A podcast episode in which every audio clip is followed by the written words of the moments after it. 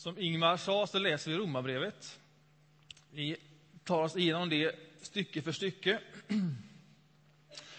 Eh, och eh, vi ska läsa ett, ett ganska långt stycke, det gör vi de här söndagarna nu. Och frestelsen i det för en sån som mig, det är att man vill säga någonting om allt som står i det stycket. Därför att det finns så fruktansvärt mycket spännande i Romarbrevet. Det är så fullmatat med innehåll. Eh, Eh, men, men det blir inte bra. Eh, utan vi får istället säga någonting centralt om den här texten. Eh, alternativet det vore att läsa ett mycket kortare stycke och sen säga någonting om allt i det. Men då skulle vi läsa Paulus här i flera år framåt. Och det är heller inte hälsosamt. Vi behöver en mer blandad kost än så. Så med den här avgränsningen så kommer vi ändå läsa Paulus februari ut. Eh, om vi ska ta oss igenom Romarbrevet. Så mycket innehåller det. Eh, följ med mig om du har en bibel. Och vi är kvar i kapitel 1 och vi ska läsa från 18 versen fram till 16 versen i kapitel 2.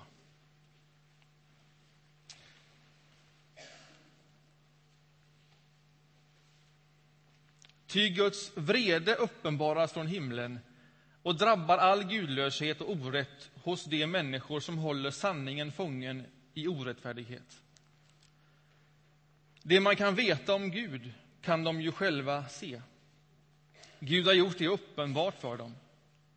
Ty allt sedan världens skapelse har hans osynliga egenskaper, hans eviga makt och gudomlighet kunnat uppfattas i hans verk och varit synliga. Därför finns det inget försvar för dem. De har haft kunskap om Gud, men inte ärat honom som Gud eller tackat honom. Deras tankemöda ledde dem ingenstans och deras oförståndiga hjärtan förmörkades. De ville gälla för visa, men blev till dårar. De bytte ut den oförgängliga Gudens härlighet mot bilder av förgängliga människor, av fåglar, fyrfota djur och kräldjur. Därför lät Gud dem följa sina begär och utlämnade dem mot orenhet så att de förnedrade sina kroppar med varandra. De bytte ut Guds sanning mot lugnen. De dyrkade och tjänade det skapade istället för skaparen som är välsignad i evighet. Amen. Därför utlämnade Gud dem åt förnedrande lidelser.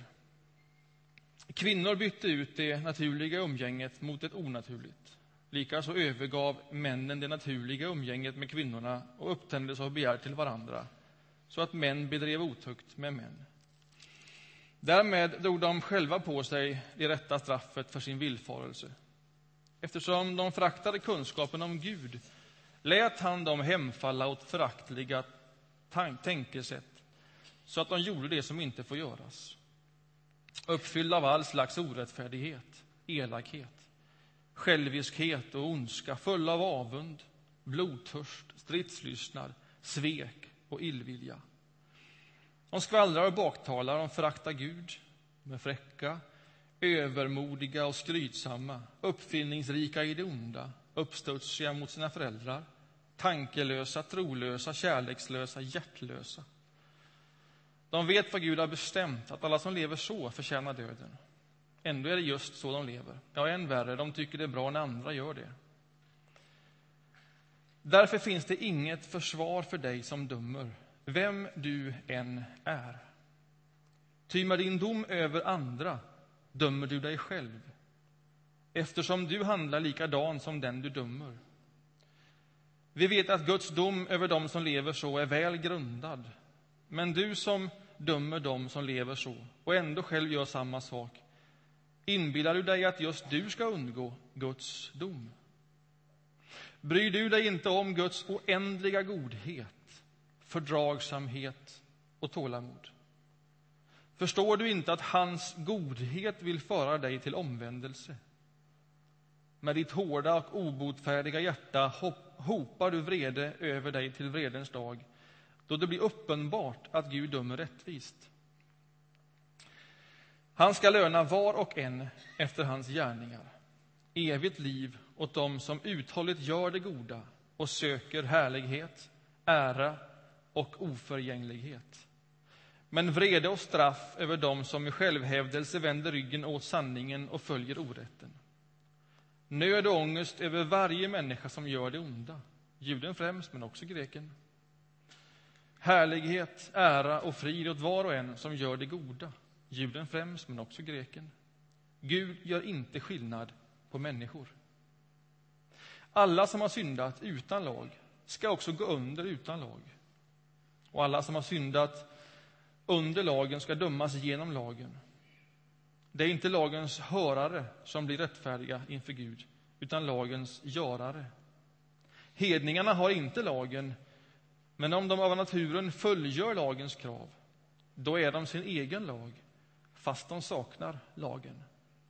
Därmed visar de att eh, det som lagen kräver är skrivet i deras hjärtan. Om det vittnar också deras samvete och deras tankar när tankarna anklagar varandra och försvarar sig. Det ska framgå den dag då Gud, enligt det evangelium jag har fått från Jesus Kristus, dömer vad som är fördolt hos människan. Amen. Ja, det är en text det. Så här kunde man läsa i GP i måndags. Ett stort mittuppslag. Så här. Med rubriken Mer civilkurage sökes i Kina. Läste ni den? Eh, här är några bilder, förfärande bilder från en kamera i ett köp i ett, eh, ett parkeringshus. Och så står det så här, en övervakningskamera i ett parkeringshus visar hur den tvååriga Xiao Yang blir påkörd av två bilar för att sen ignoreras av sammanlagt 18 förbipasserande innan en äldre kvinna som letar igenom soptunnor drar henne från gatan. Flickan dog sen av sina skador. Och så kan man läsa så här, en annan berättelse som har gjort sitt i en debatt som just nu pågår i Kina. Den handlar om eh, Tseng, en gänglig 27-åring med två stora hundar som han älskade över allt annat.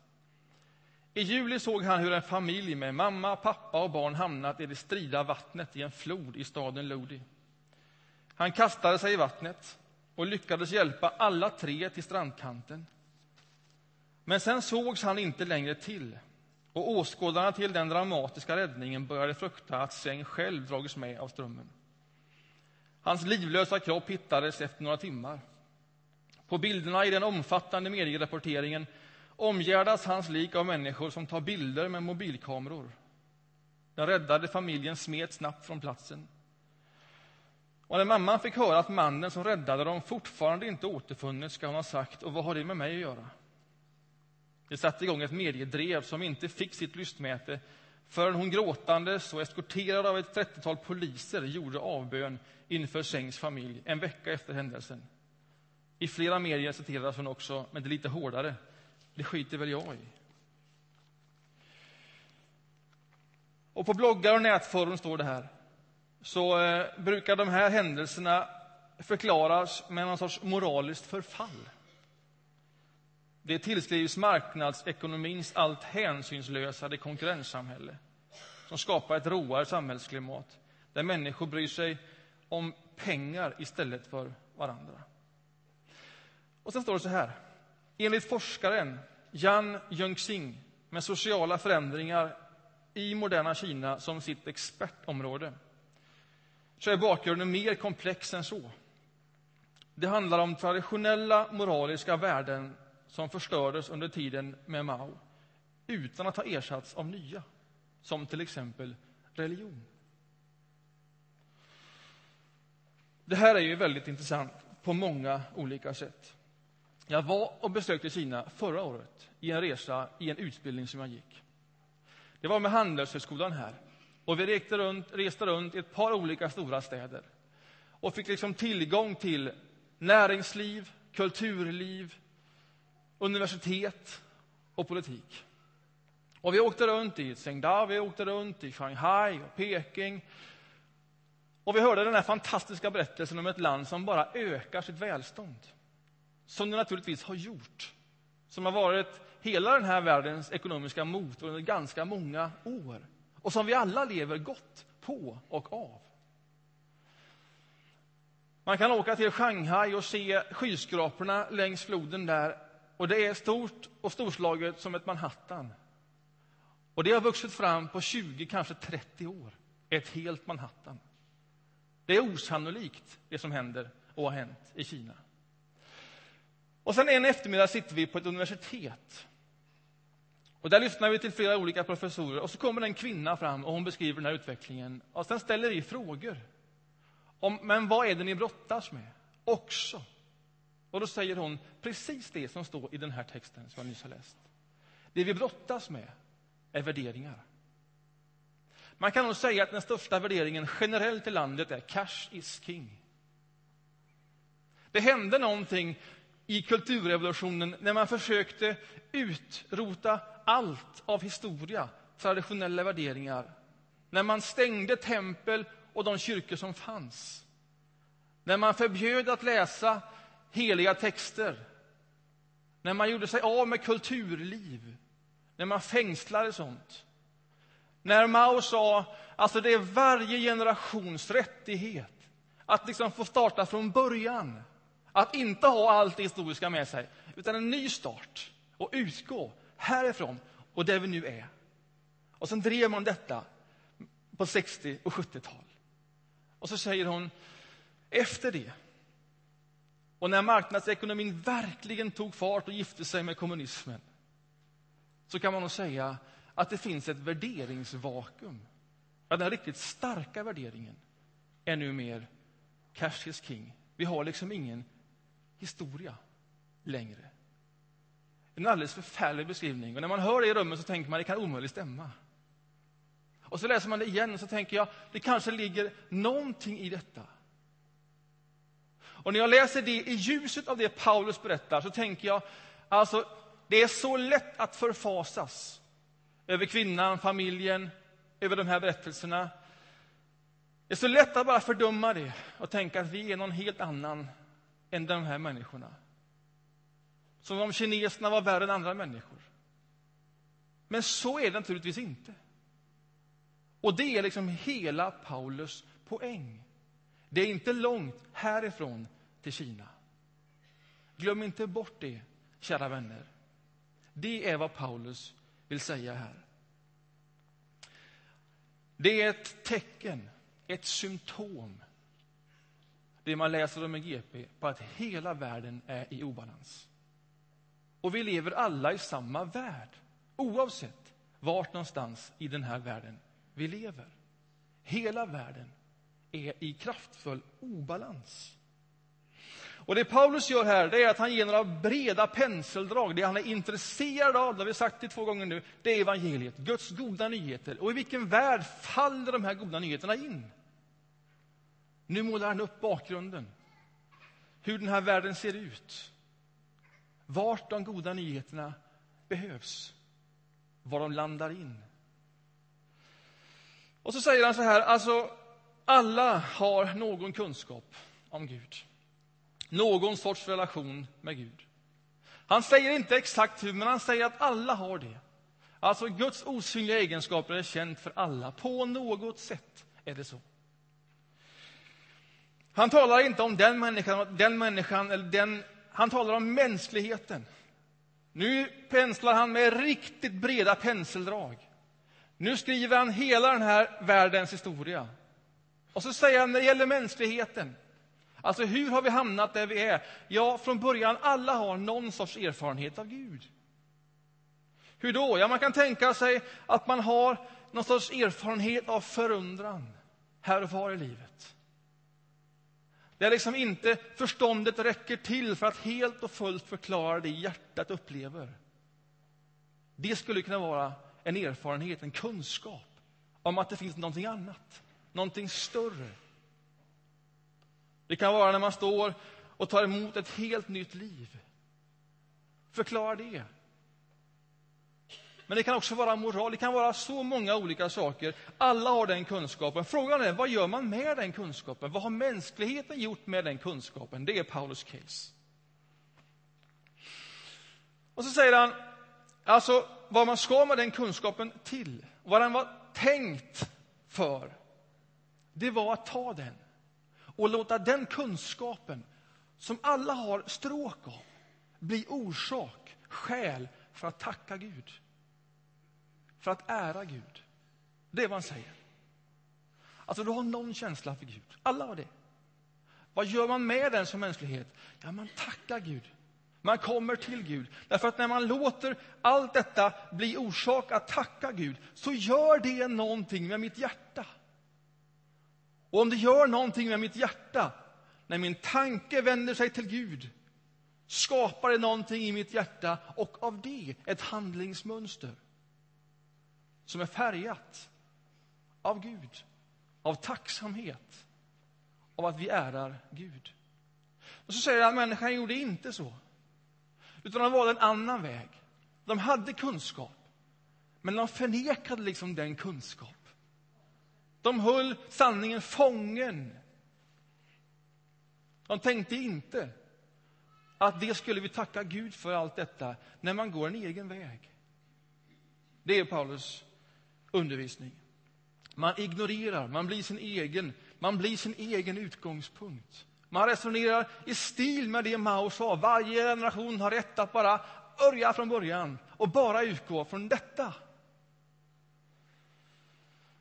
Och så säger Paulus, det gör också någonting med hjärtat. Och ett hjärta är alltid det som påverkar det jag gör. Alltså det finns ett stråk här i hans text. Hjärnan, tanken, den kunskapen. Låt det bli skäl att tacka Gud. Hjärta kommer efter hjärnan och sen kommer händerna. Är ni med på den ordningen? Hjärna, hjärta, händer. Det tycks vara ett flyt, som Paulus säger. Så här fungerar det. Därför är det viktigt hur man tänker. Och vad gör man med den kunskap som man faktiskt har? Hur liten eller stor den än är. Vad var det man gjorde då? Vad var det som hände? Ja, man bytte den oförgängliga guden mot förgängliga saker, människor och djur. Alltså man började dyrka det som var förgängligt. Det som kan dö. Och så kan vi läsa den här texten så kan vi tänka, alltså detta är en primitiv avgudadyrkan. En forntida sådan, där man skapar saker som man i sin tur av tillber. Och, och vi är liksom långt ifrån detta. Nu är vi långt, långt, långt, långt bak i historien.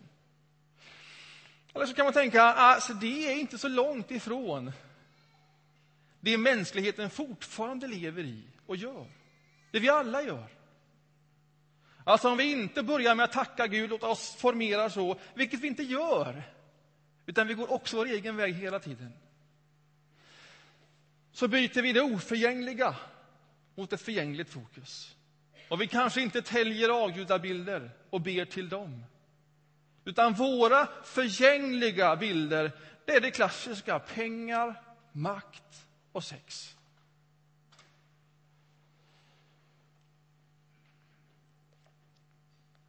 Vad skulle vara skillnaden om man först tog sin kunskap, tackade Gud och lät det formera det jag sen gör?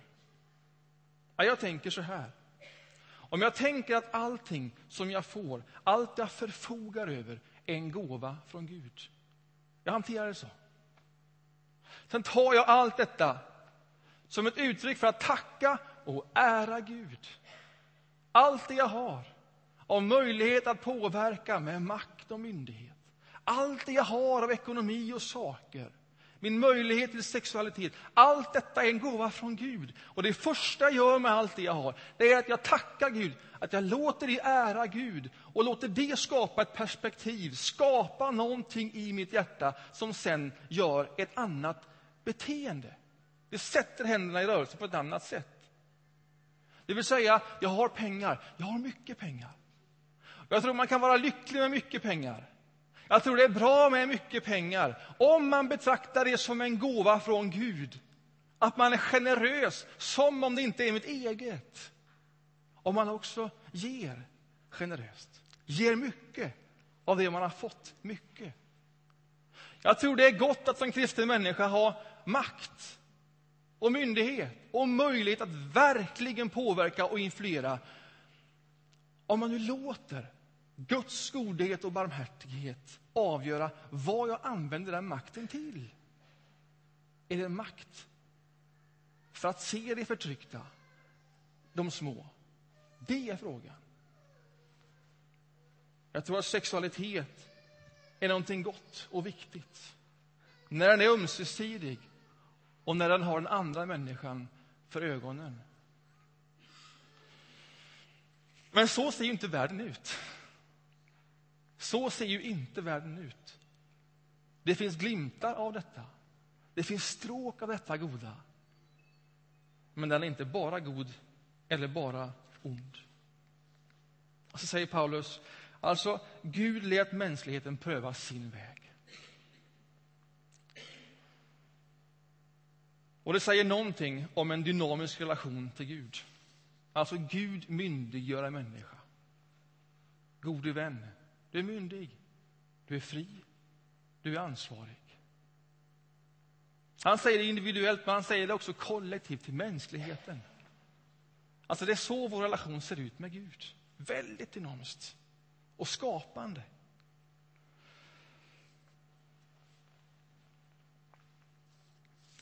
Och sen exemplifierar Paulus. Vad är det då som händer om vi går vår egen väg? Och nu blir det kontroversiellt. Det är alltid så när man i en kyrka, i en frikyrka speciellt, läser någon text om homosexuella relationer. Så vet man det när man sitter och förbereder det. Att det finns liksom ingen bra väg in i detta. Att det på förhand är kontroversiellt. Så mycket känner jag vårt eget sammanhang att vi har alla åsikter i det här rummet. Alla övertygelser. Eh, men vi tar oss ändå in i detta rakt in och ser, vad är det Paulus säger. Och varför kommer detta exemplet först på listan av alla exempel på en värld i obalans? Det är frågan. Han skulle ju kunna välja så många andra exempel. Då vill jag först säga så här, man kan läsa sin bibel på olika sätt. Man kan närma sig Bibeln på olika sätt. Du kan närma dig Bibeln med en specifik fråga. Alltså, vad säger Bibeln om homosexuella relationer? Och Sen går man in i Bibeln och sen letar man överallt där det står. Och så hittar man som här, två versar där det står någonting om homosexuella relationer. Och så dyker man ner där i och så försöker man säga och förstå vad säger detta om homosexuella relationer. Det är ett sätt att läsa Bibeln. Och det är ett bra sätt om man har en specifik fråga in i det. Risken med det, det är att varje gång man läser samma ställe så läser man det stället som om man hade en specifik fråga som ingång i det stället, i det sammanhanget. Och risken med det, det är att man inte riktigt ser vad är det Paulus vill säga med det här sammanhanget. Vad är hans undervisning? Vad är hans poäng? När jag läser Paulus här så är det lite grann som att han, han argumenterar på olika sätt för att komma fram till en slutsats. Och ni vet när man argumenterar och man ger exempel för att komma någonstans så är det ibland så att man säger någonting, man ger något exempel som lyssnaren hänger fast vid. Och sen blir det vidare samtalet inte alls om det som var själva poängen utan ett exempel för att nå dit fram. Och så tänker jag att så har vi ofta använt den här texten. Vi kommer liksom till orden om homosexuella relationer och sen kommer vi inte längre. Det är som om vi går miste om det som Paulus själv vill sälja och säga. Att vi går miste om själva flytet i argumentationen. Så vad är det han vill säga då? Varför kommer just detta exemplet först på listan? Det här är ett sätt att förstå det. Alltså, när han ska grunda varför världen är i obalans så skulle han kunna utgå ifrån lagen som man kommer till senare. Lagen om tio Guds bud. Det här får man göra, det här får man inte göra. Det är en specifik händelse på Sinai berg när Moses får ta emot lagen. Och inte bara de tio budorden, utan också andra förordningsregler. Och så skulle han kunna ta det och så skulle han kunna tala om vad är rätt och fel, men han gör inte det. Därför att lagen gäller inte alla på samma sätt. Den var given till ett specifikt folk, i en specifik situation. Så den vägen vill han inte gå här. För nu talar han riktigt vitt och brett. Han drar några breda penseldrag. Det handlar om mänskligheten som kollektiv, inte individualistiskt, som vi ofta läser detta. Vad gör han då? Ja, då börjar han tala om skaparen och skapelsen. Och sen går han liksom hela vägen tillbaks till de första tre kapitlen i Bibeln, i Moseboken. Och så utgår han från någonting som inte är specifikt för ett visst folk, utan gemensamt för alla. En sorts allmän kunskap. Så här ser Paulus världsbild ut. Här finns en sorts gemensam kunskap om Gud, som han sa. En inneboende liksom, känsla för grundläggande strukturella mönster. Och när han läser de första kapitlen om detta så är en sån grundläggande strukturellt mönster könspolaritet. Att olikheter, man och kvinna, kompletterar varandra. Och när de olikheterna möts så skapas vidare möjlighet för att tillsammans med Gud föda nytt liv och så vidare. och så vidare. Detta är Paulus världsbild. Olikheterna kompletterar varandra. Och Det är liksom djupa, grundläggande drag, hur det strukturellt är tänkt. Och så säger han, när man byter olikhet mot likhet så blir det för honom ett grundläggande exempel på att världen i stort är i obalans. Det är vad han säger här. Alltså, när du målar breda penseldrag så blir likhet istället för olikhet som kompletterar. Ett exempel på att världen är i obalans. Och sen, efter det, när han liksom har sagt att på ett grundläggande sätt för hela mänskligheten så är världen i obalans. Då kommer hans lista. Och den listan den låter så här. Eftersom de föraktade kunskapen, de är mänskligheten. Det är vi, det är alla människor. Så lät han dem hemfalla åt föraktliga tankesätt. Alltså, vi gick vår egen väg. Vi började inte med att tacka Gud, utan vi liksom började om från början. Vår egen väg. Och så gjorde de det som inte får göras. Uppfylld av all slags orättfärdighet, elakhet, själviskhet och ondska fulla av avund, blodtörst, stridslystnad, svek och illvilja. Vi skvallrar, baktalar, föraktar Gud. Vi är fräcka, övermodiga och skrytsamma, uppfinningsrika i ont och uppstudsiga mot föräldrar, tanklösa, trolösa, kärlekslösa, hjärtlösa. Vad är det han vill säga? När man läser en sån text, när man läser den personligt och självkritiskt, när man läser den med ögon på hur hela den här världen ser ut, typ i Kina, som ett exempel. Jag skulle kunna hämta exemplet här ifrån vår egen bakgård. Så är det som om Paulus vill säga, vänner, vi lever alla i samma värld. Vi sitter alla i samma båt. Det är inte långt härifrån till Kina. När vi läser ett exempel som det i Kina så är det så lätt att bara gå in och döma och fördöma men det är som om Paulus säger, kära vänner, gör inte det som du intuitivt bara känner. Därför att med de orden dömer du dig själv. De orden blir ord över dig själv. Du lever i samma värld. Gränsen går inte mellan dig och dig och den kvinnan. Ni är inte så olika som du tror. Gränsen går i dig. Där finns svek. Där finns illvilja. Där finns skvaller. Där finns allt det som kommer ur att vi väljer en egen väg. Det är ditt liv. Alltså, peta inte på flisan i din broders öga när du själv har en bjälke i ditt eget. Det är Jesu ord. Och det är de som ekar in i den här texten. Det är hit Paulus vill ta de kristna i Rom. Så när man läser detta förfärliga som sker i Kina som ett exempel på att hela världen är i obalans. Så istället för att bara gå in och döma det direkt så skulle vi snarare tänka, gode Gud, det kunde varit jag. Under fel omständigheter, i ett annat sammanhang. Gode Gud, det kunde varit jag. Det kunde varit jag. Hela den här världen är i obalans och behöver hjälp, den behöver räddas, den behöver frälsas. Det är Paulus poäng. Och du kan inte undanta dig ifrån det, vem du än är. Är det klart? Detta är vad Paulus vill säga. Detta är vad Paulus vill säga. Och varför gör inte Gud det direkt? Varför räddar han inte bara allt? Varför ställer han inte bara allt till rätta direkt? I ett ögonblick, i ett enda nu? Ja, men det blir den naturliga följdfrågan. Bryr sig inte Gud om den här världen, hur den ser ut? Vad tänker Gud när han läser en sån text i Göteborgs-Posten?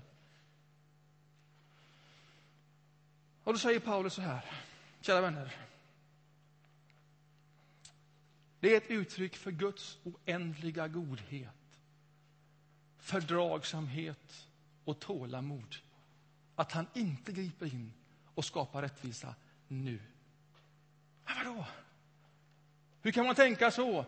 Jo, det är ett uttryck för Guds oändliga godhet. Glöm inte bort det, bröder. Inte så att Gud inte bryr sig. Tvärtom, det är igen som ett eko av det Jesus säger. Ni vet när trädgårdsmästaren kommer till det där trädet och säger alltså det, det är inte mycket med det. Nu, alltså, nu är det dags. Nu tar vi ner trädet. Vi hugger ner det med rötterna. Liksom. Det är ruttet inifrån. Och så ser ägaren på det och säger det ser inte bra ut, men alltså, vi ger det ett år till. Vi ger det ett år till. Vi gräver lite och skapar lite bättre förutsättningar. Vi ger det en chans till. Ett uttryck för Guds oändliga godhet, tålamod och fördragsamhet.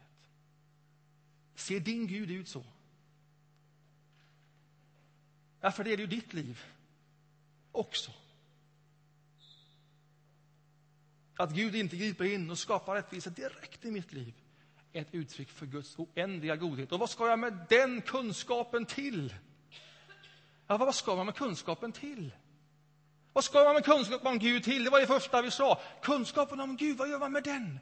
Ja, den går man till Gud. Så tackar man Gud för den kunskap man har om Gud, vilken det nu än är. Och det gör någonting med mitt liv. Det gör någonting med mitt liv. Och Paulus säger syftet med Guds oändliga godhet, med hans tålamod och fördragsamhet, är omvändelse. Syftet med det är att jag ska igen vända mig till Gud, söka mig dit. Jag får en chans till. Om du får fatt i denna oändliga godhet, ett tålamod över ditt liv och en fördragsamhet, låt det bli orsak för att tacka Gud. Därför att det gör någonting med ditt hjärta. Och det gör någonting med din blick på andra människor och andra sammanhang. Det gör så att du kan säga, gode Gud, det kunde varit jag. Det kunde varit jag. Förbarma dig. Men det är som att vår intuitiva reaktion är, gå in, rensa upp, var tydlig och skarp. Och som detta talar Jesus. Om man berättar om mannen som får god säd och sen på natten när alla sover så kommer någon där och sår ogräs. Ingen som ser det, ingen som vet det. Inte förrän det växer upp. Och då växer det upp sida vid sida. När axet går i dagen går också ogräset i, i dagen. Och då säger tjänarna direkt till trädgårdsmästaren, vad gör vi nu? Nu river vi upp ogräset, det kan inte vara där. Och då säger trädgårdsmästaren, nej, nej, nej. Det är inte så vi gör. Utan vi låter det stå där. Det är liksom så inblandat i varandra att faran är, om du rycker ogräset nu, så tar du också med dig mycket av det goda som finns där. Vänta med det. Det är inte ert jobb. Men när det ska skördas, då ska den som skördas få veta hur man sen skiljer på det ena och på det andra. Men det är inte ert jobb. Det är inte ert jobb. Låt det vara. Och tacka Gud för hans oändliga godhet, fördragsamhet och tålamod. Det är Guds evangelium. Guds goda nyheter. Så ska det då inte någon gång bli riktigt rättvist? Absolut. Det är också en del av Guds evangelium som Paulus har fått från Jesus Kristus. Gud är en rättvis Gud. När Gud läser i Göteborgs-Posten om det som händer i Kina så är det en förtvivlad Gud som vill skapa rättvisa. Detta, det får bara inte se ut så här och allting ska ställas till rätta. Allting ska till sist bedömas rättvist. Det är så Jesus säger gång på gång på gång. Och det är då man ska förvånas. När först blir sist och sist blir först och störst blir minst och annat. När allting ska bedömas rättvist. Och det finns bara en som kan bedöma allting rättvist och det är Gud. Det finns ingen annan. Och Gud ska göra det. Om det är Paulus lika tydlig som att vi här och nu lever, får del av Guds rättfärdighet genom tron. Han är lika tydlig på det. Det är ett stråk som går igenom Romarbrevet, som han är. Att vi är myndiga inför Gud, att vi är ansvariga inför våra liv. Och att du genom tro får del av Guds rättfärdighet, att du genom tro får del av Guds liv. Att det aldrig, aldrig, aldrig kan eller får bli en ursäkt för ett ansvar du har för ditt eget liv. Den kunskapen, den tackar Gud med. Låter det förvandla ditt hjärta och så blir det ett handlingsmönster. Och det handlingsmönstret, alltså allt vad du gör, hela ditt liv, ska en gång bedömas rättvist. Paulus är glasklar på den punkten. Glasklar. Ja, men det är väl inte genom det vi gör som vi räddas? Nej, nej, nej. Inte alls. Det är han också väldigt tydlig på. Och det kommer igen nästa söndag. Alltså genom tron. Jag menar, vem kunde annars liksom? Tron gör underverk med människor. Släpper in Guds evangelium. Och lika tydlig som han är på det, så säger han, det kan aldrig bli en ursäkt för ditt liv, för ditt eget ansvar det ska också bedömas rättvist. Det är en del av evangeliet.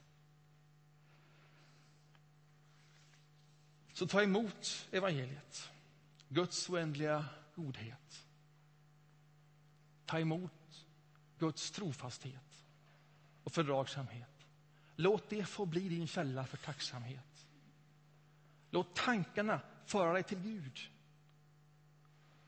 Och låt han genom sin kraft, det evangeliet, kraften som förvandlar en människa, låta det förvandlade inre livet också bli ett uttryck för ett gott liv, ett generöst liv. Ett liv färgat av Guds evangelium. Vi förenas i en bön. Gode Gud, vi läser de här texterna. Svåra texter, viktiga texter. Jag ber för det som nu är sagt, jag ber för oss alla, jag ber för det som som är värt någonting, som verkligen är ditt evangelium, att det ska få fäste i våra liv. Och att det som är egna funderingar, det som inte var värt något, som inte är ett evangelium, att det får liksom gå under. Vi står här, vi läser det och gör vårt yttersta för att förstå. Vi står också här i djupt förtroende för det gode heligande att hantera allt det lästa och sagda. Och framför allt leda oss framåt. Så att de goda nyheterna verkligen blir Goda nyheter, inte i teorin, utan i liv och praktik. Amen.